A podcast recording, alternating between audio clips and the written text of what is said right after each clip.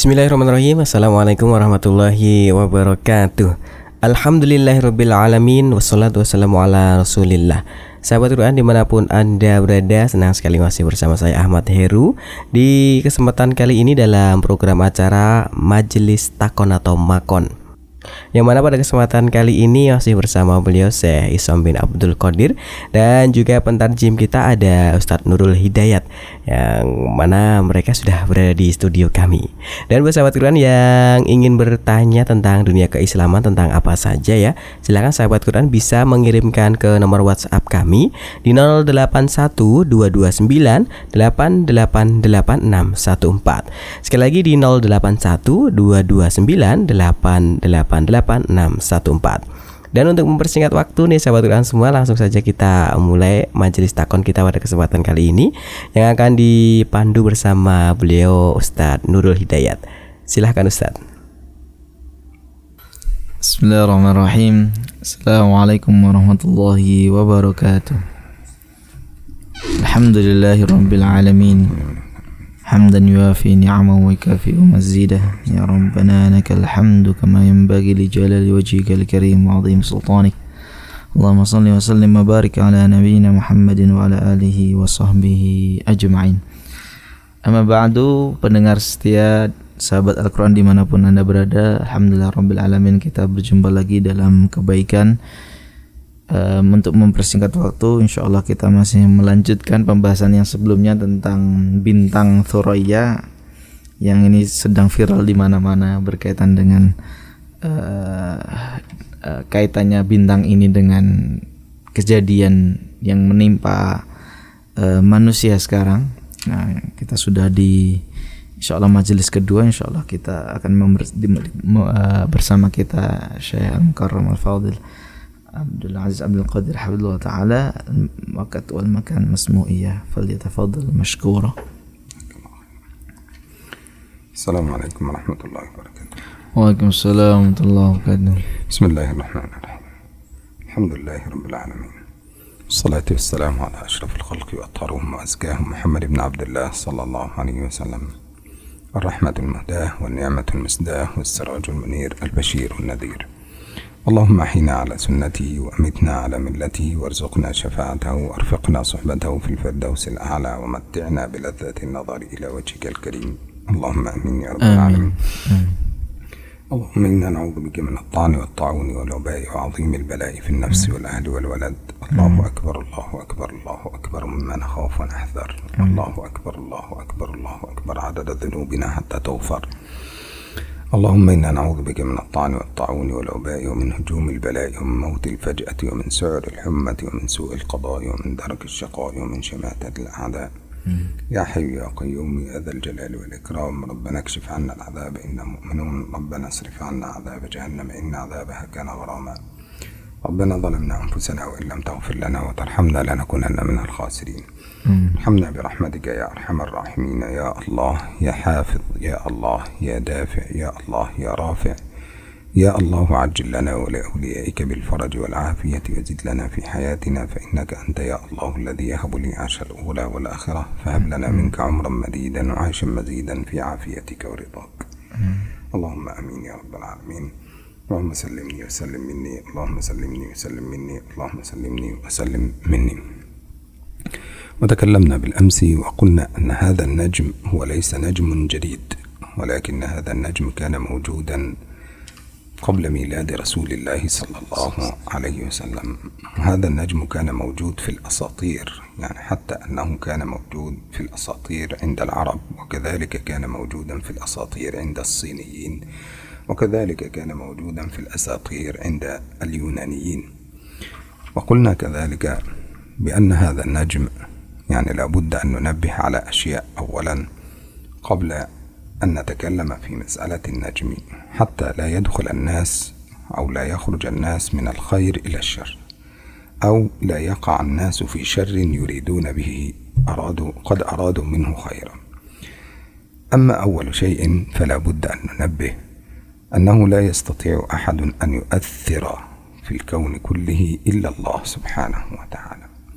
وأن النجم هذا ما هو إلا علامة من العلامات التي تظهر في وقت معين وهو يظهر عند طلوع الصيف أو عند عند بداية الصيف هكذا عند دخول فصل الصيف واشتداد الحرارة.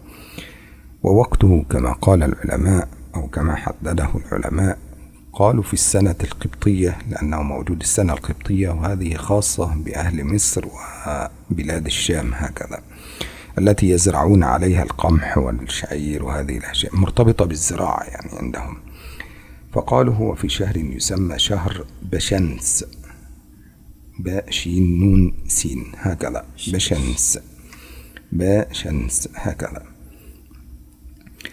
هذا الشهر حقيقة يعني موجود عند العرب وحقيقة أنهم إذا أرادوا أن يزرعوا يزرعون في هذا الشهر. إذا أرادوا أن يحصدوا يحصدون في هذا الشهر. فهذا الشهر خيره كثير بالنسبة إليهم يعني هكذا.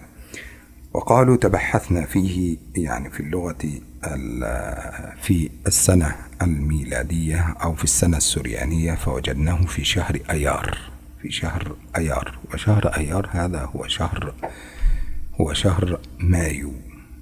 شهر مايو فقالوا يخرج حتى قد ذكر ذلك الإمام القرطبي في تفسيره. فقال وهذا النجم يخرج في شهر أيار وهو شهر مايو ويكون في منتصف الشهر أي يكون يبدأ من يوم الثاني عشر أو يكون في العشرة المتوسطة من الشهر هكذا. يعني في العشرة الوسط من الشهر. فيبدأ في يوم الثاني عشر ويكون طلوعه حتى ليس طلوعه يوم واحد. سبحان الله. يعني حتى لا يظن الناس أن هذا النجم يطلع يوم واحد فقط يعني. بل إن طلوع هذا النجم يبدأ من يوم الثاني عشر حتى يوم السادس والعشرين من شهر أيار أي من شهر مايو. كل هكذا. يوميا. هكذا نعم. Baik. Eh, beliau memulai dengan eh, berdoa dan kemudian mulai me- meneruskan ya penjelasan tentang bintang Suraya bahwa bintang Suraya ini adalah bukan sesuatu yang baru. Bahkan sebelum Nabi Shallallahu Alaihi Wasallam lahir pun sudah ada ya. Maka dalam eh, kebudayaan masyarakat Arab masyarakat Cina Yunani itu mereka ada. Namanya istilah bintang Suraya kemudian hal yang eh, ingin beliau ingatkan seorang mukmin harus mempercayai tidak ada sesuatu yang bisa memberikan dampak ya menakdirkan sesuatu memberikan manfaat atau mudarat melainkan hanya Allah Subhanahu wa taala.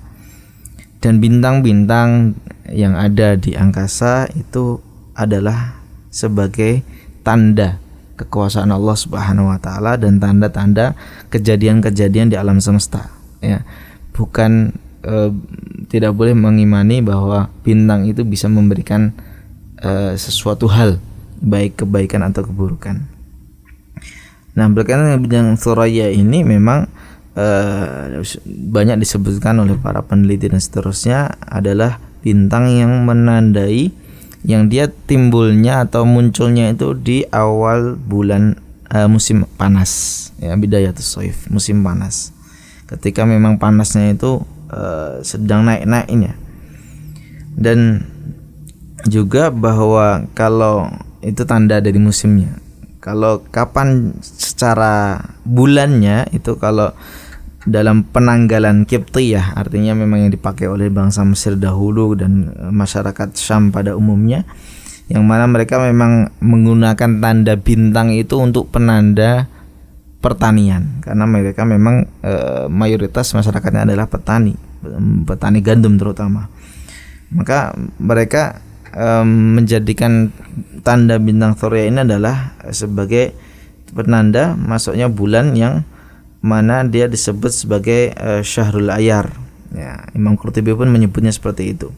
Yang mana Syahrul Ayar ini adalah kalau dalam Masehinya itu di bulan Mei. Yang ternyata bintang Surya ini ternyata juga timbulnya tidak hanya sekali saja. Ya. Tapi eh, kalau eh, yang dituliskan oleh para ilmuwan terdahulu termasuk eh, ilmuwan muslim adalah bintang Surya ini timbulnya adalah di pertengahan bulan yaitu tanggal 12 sampai tanggal 27. حينما ننظر إلى هذا الأمر فلا بد أن نعرف أولا ليس معنى أن طلوع النجم أن المرض سيرتفع مباشرة لأن الحقيقة إن البلاء ينزل بليل يعني البلاء ينزل مرة واحدة ينزل بالإنسان مرة واحدة وهذا معروف ومواقع ومشاهد فكذلك في أمثلة العرب ينزل البلاء كالجبل. ينزل. البلاء كالجبل. يعني قوة الجبل هكذا. فينزل على الإنسان كأنه مثل الصاعقة هكذا. ويخرج من ثقب إبرة. يعني يدخل البلاء إلى جسد الإنسان كأنه جبل. ويخرج من جسده كأنه يخرج من ثقب إبرة. من ثقب. من ثقب الإبرة الإبرة التي يخيط بها الثوب. هكذا يوجد الثقب الصغير. هذا تخيل أن جبل يريد أن يخرج من هذا الشيء الصغير. فخروجه كتراب سيخرج قليلا حبة بحبة قليلا قليلا قليلا قليلا ثم يرتفع. وهذا حتى لا يظن الناس أن هناك كذب في حديث رسول الله صلى الله عليه وسلم. يكون الأمر أوقع ونفهم الكلام أفضل. البلاء لا يرتفع مرة واحدة البلاء يرتفع قليلا قليلا. فأنت مثلا تجد الإنسان مثلا ينام جيدا ولا يوجد به شيء فيصبح الصبح في الصباح ولا يستطيع أن يتكلم. ما الذي حدث نزل به قضاء الله سبحانه وتعالى. حتى يرتفع هذا البلاء ويبدأ يعود يتكلم مرة ثانية. يحتاج إلى أن يذهب إلى الطبيب ممكن يذهب يجلس في المستشفى فترة طويلة شهر شهرين. ثم يحتاج إلى طبيب يقوم بعلاج فيزيوثيرابي أو هذه الأشياء. ثم بعد ذلك يتكلم قليلا قليلا. ثم بعد ذلك وهكذا. فتجد البلاء ينزل في يوم ويرتفع في سنة. هكذا. فلذلك البلاء قد يكون هذا النجم دليل على بداية ارتفاع البلاء. لأن هذه الفترة يعني قد يكون علامة على على ارتفاع هذا البلاء لكن ليس معناه انتهاء هذا البلاء في هذا اليوم أو في هذه الوقت في هذا الوقت حتى لا يعول الناس على هذا الكلام. ولذلك قد يكون هذا بداية وهذا ما نريد أن ننبه عليه قبل أن ندخل في تخريج الحديث وفي آراء الفقهاء في هذه المسألة. Kemudian berkaitan dengan hadis-hadis uh, yang disampaikan mungkin sudah terlalu viral ya tentang bahwa ketika muncul bin, uh, apa namanya bintang ini bintang Thora ini maka itu tanda hilangnya semua wabah ya. Bahwa uh, sebelum masuk ke pembahasan tentang penjelasan hadis itu perlu kita uh, kita fahami terlebih dahulu ya agar kemudian tidak menjadikan kesalahpahaman kita terhadap suatu hal menjadikan uh, kita justru mendustakan hadis-hadis Nabi Shallallahu Alaihi Wasallam. Di antaranya harus di uh, kita tanamkan terlebih dahulu bahwa sebuah wabah penyakit atau balak bencana itu turunnya adalah dalam uh, cara yang spontan, yang langsung, ya satu kali Artinya e, dalam waktu bisa satu malam, satu malam langsung turun satu wabah, satu bencana. Ya.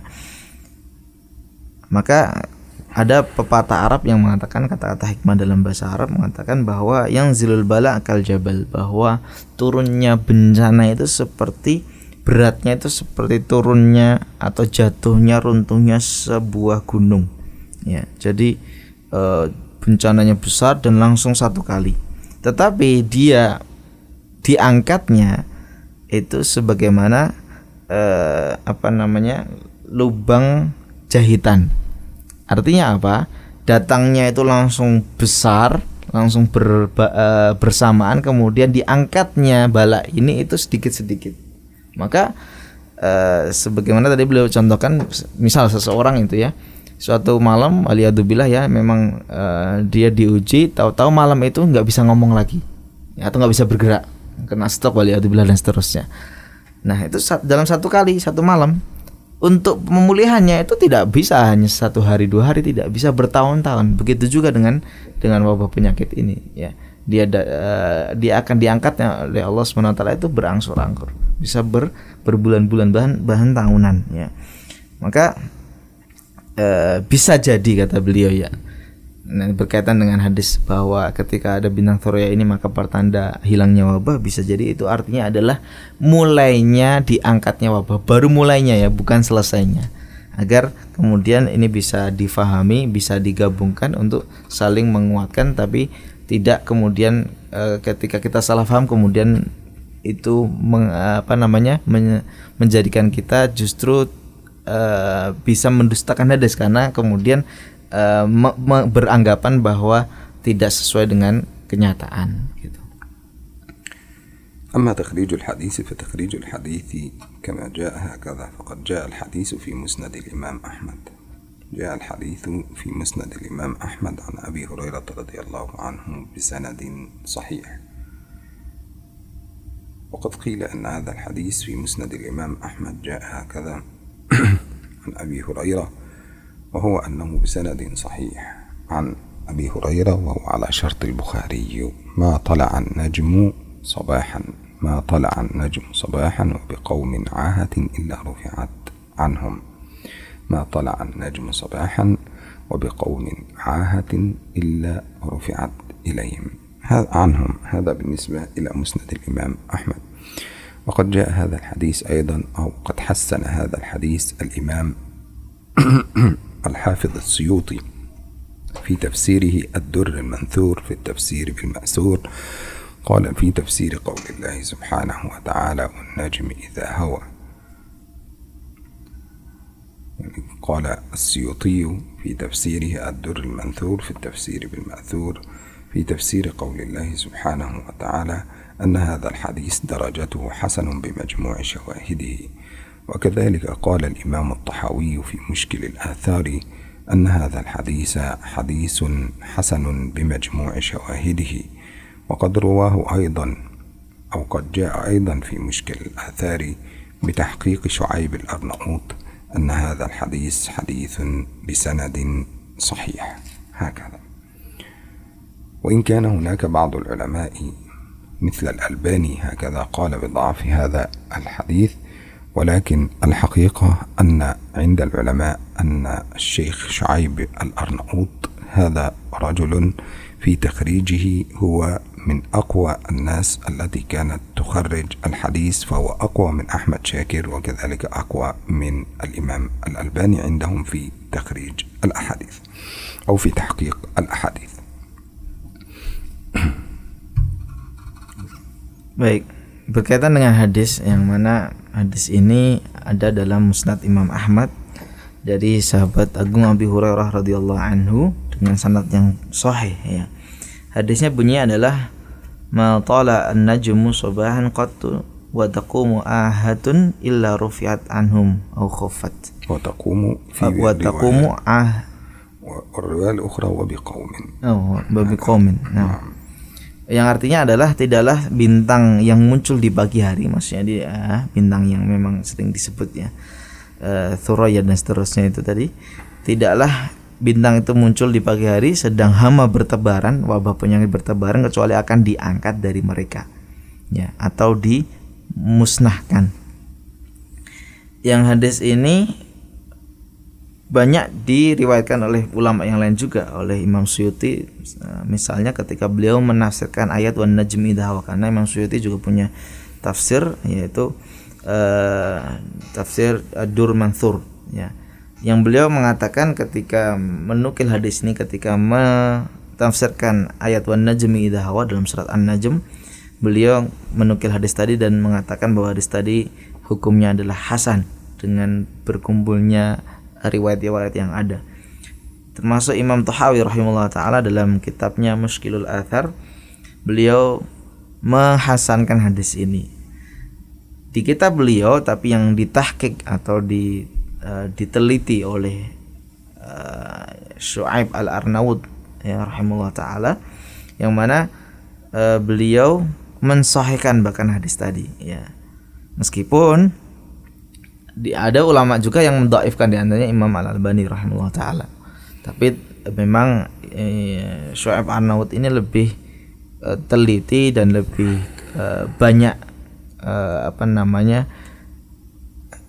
pengalamannya dan juga beliau memang eh, tidak diragukan lagi keilmuannya dalam masalah hadis maka eh, pendapat Syekh Shu'aib Arnaud adalah hadis ini adalah bahkan sahih.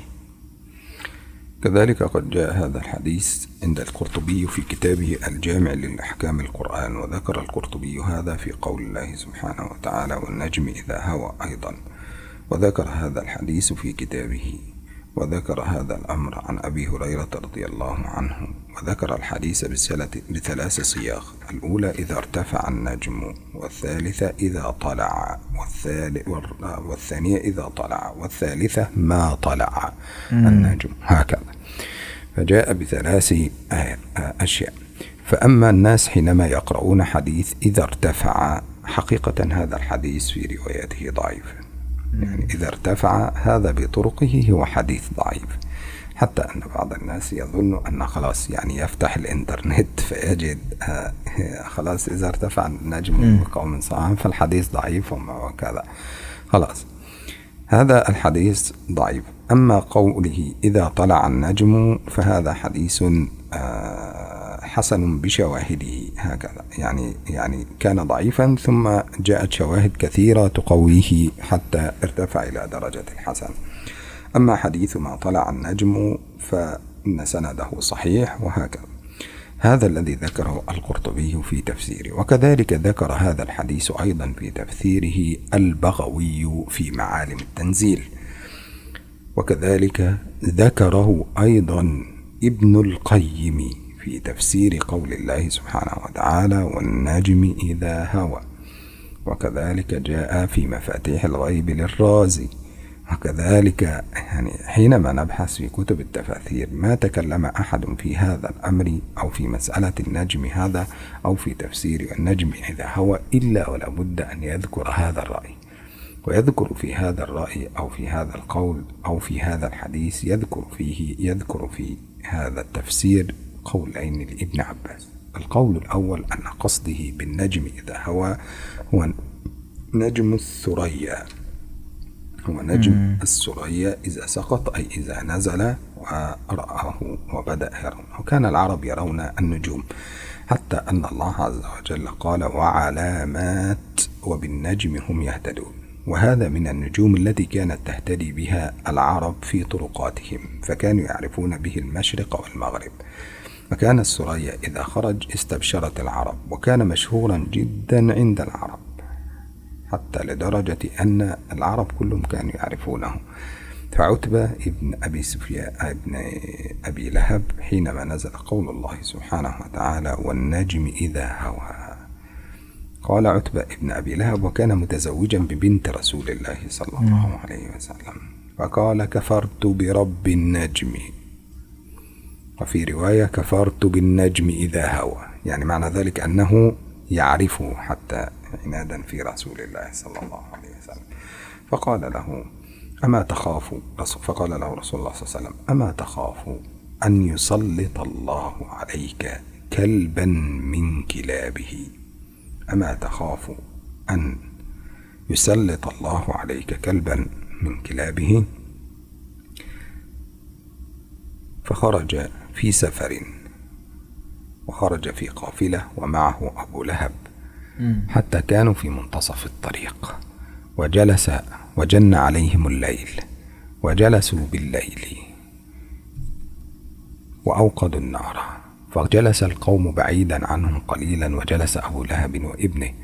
فأخذ أبو لهب يصرخ في الناس ويقول أنقذوني ودعوة محمد. أنقذوني ودعوة محمد. لا تتركونا نجلس وحدنا. لأنه يعرف أنه قول النبي صلى الله عليه وسلم أكلك كلب من كلاب الله سينفذ عليهم. فخافوا فجلس في وسط القوم. فيقول كان معهم عمرو بن العاص في هذه الرحلة. فيقول عمرو وفي رواية أنه كعب بن مالك وفي رواية أنه أحد الصحابة. فيقول وكنت معهم في سفرهم. فجاء أسد. فجاء أسد وأغشي علينا كأننا لا لم نرى يعني أغشي عليهم. فنمنا فأخذتنا سنة من النوم. فجاء أسد فأخذ يتشمم الرؤوس حتى وصل إلى رأس عتبة فأخذها.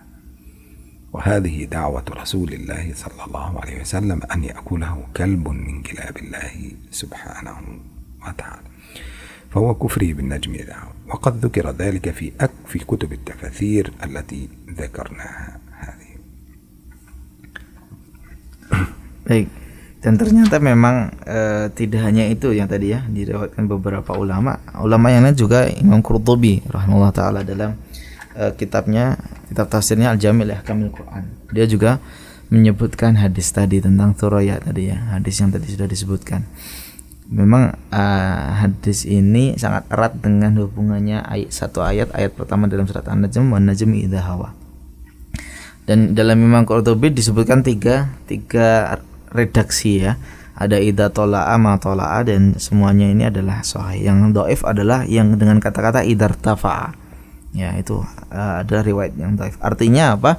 Memang ada yang doif tapi dengan riwayat yang yang tadi idar tafa. Selain itu idza tola'a hasan, ma tola'a bahkan sahih ya dengan begitu banyak uh, riwayatnya termasuk Imam Baghawi dalam kitabnya Mu'allimut uh, Ma- Ma'alimut Tanzil Ma'alimut Tanzil kemudian juga Ibn- Ibnu Qayyim rahimahullah taala di dalam tafsirnya juga Imam Razi dalam tafsirnya Mafatihul Ghaib ya. artinya eh, memang hadis ini hampir semua ulama tafsir itu menyebutkan ketika menafsirkan ayat wan ida ida hawa dan memang hal itu adalah hal yang sangat sudah masyhur di kalangan Arab. Mereka ketika mendengar atau melihat ada bintang Thuraya mereka akan bergembira karena memang itu tanda kebaikan, tanda ya, bukan pemberi kebaikan, tanda kebaikan. Nah, ketika menafsirkan ayat dalam surat An-Najm ayat pertama itu wan najmi hawa, Ibnu Abbas radhiyallahu anhu sebagai uh, mufassir sahabah ya, sahabat yang menjadi um, ahli tafsir itu menafsirkan dengan dua dua hal yang beliau sampaikan. Hal yang pertama adalah ketika menafsirkan an- wan najmi hawa artinya dia adalah bintang Thoroya ketika muncul ya, ketika menafsirkan ayat tadi. Nah, kemudian beliau tadi mengisahkan tentang kisah uh, Utbah bin Abi Lahab. Artinya ini adalah putranya Abi Lahab ya, surat Al-Lahab nah, punya putra namanya Utbah dan sama-sama kufurnya ya. Nah Utbah ini suatu ketika ketika turun ayat wan najmi hawa kepada Nabi SAW kemudian Utbah mengatakan aku mengkufuri apa yang turun kepada Muhammad artinya ayat tadi kemudian apa yang dikatakan oleh Rasulullah SAW tidaklah engkau takut akan Allah kirimkan kepadamu uh, kalban min kilabihi tentara Allah ya yang berbentuk kalb ya. Mohon maaf nih uh, anjing ya.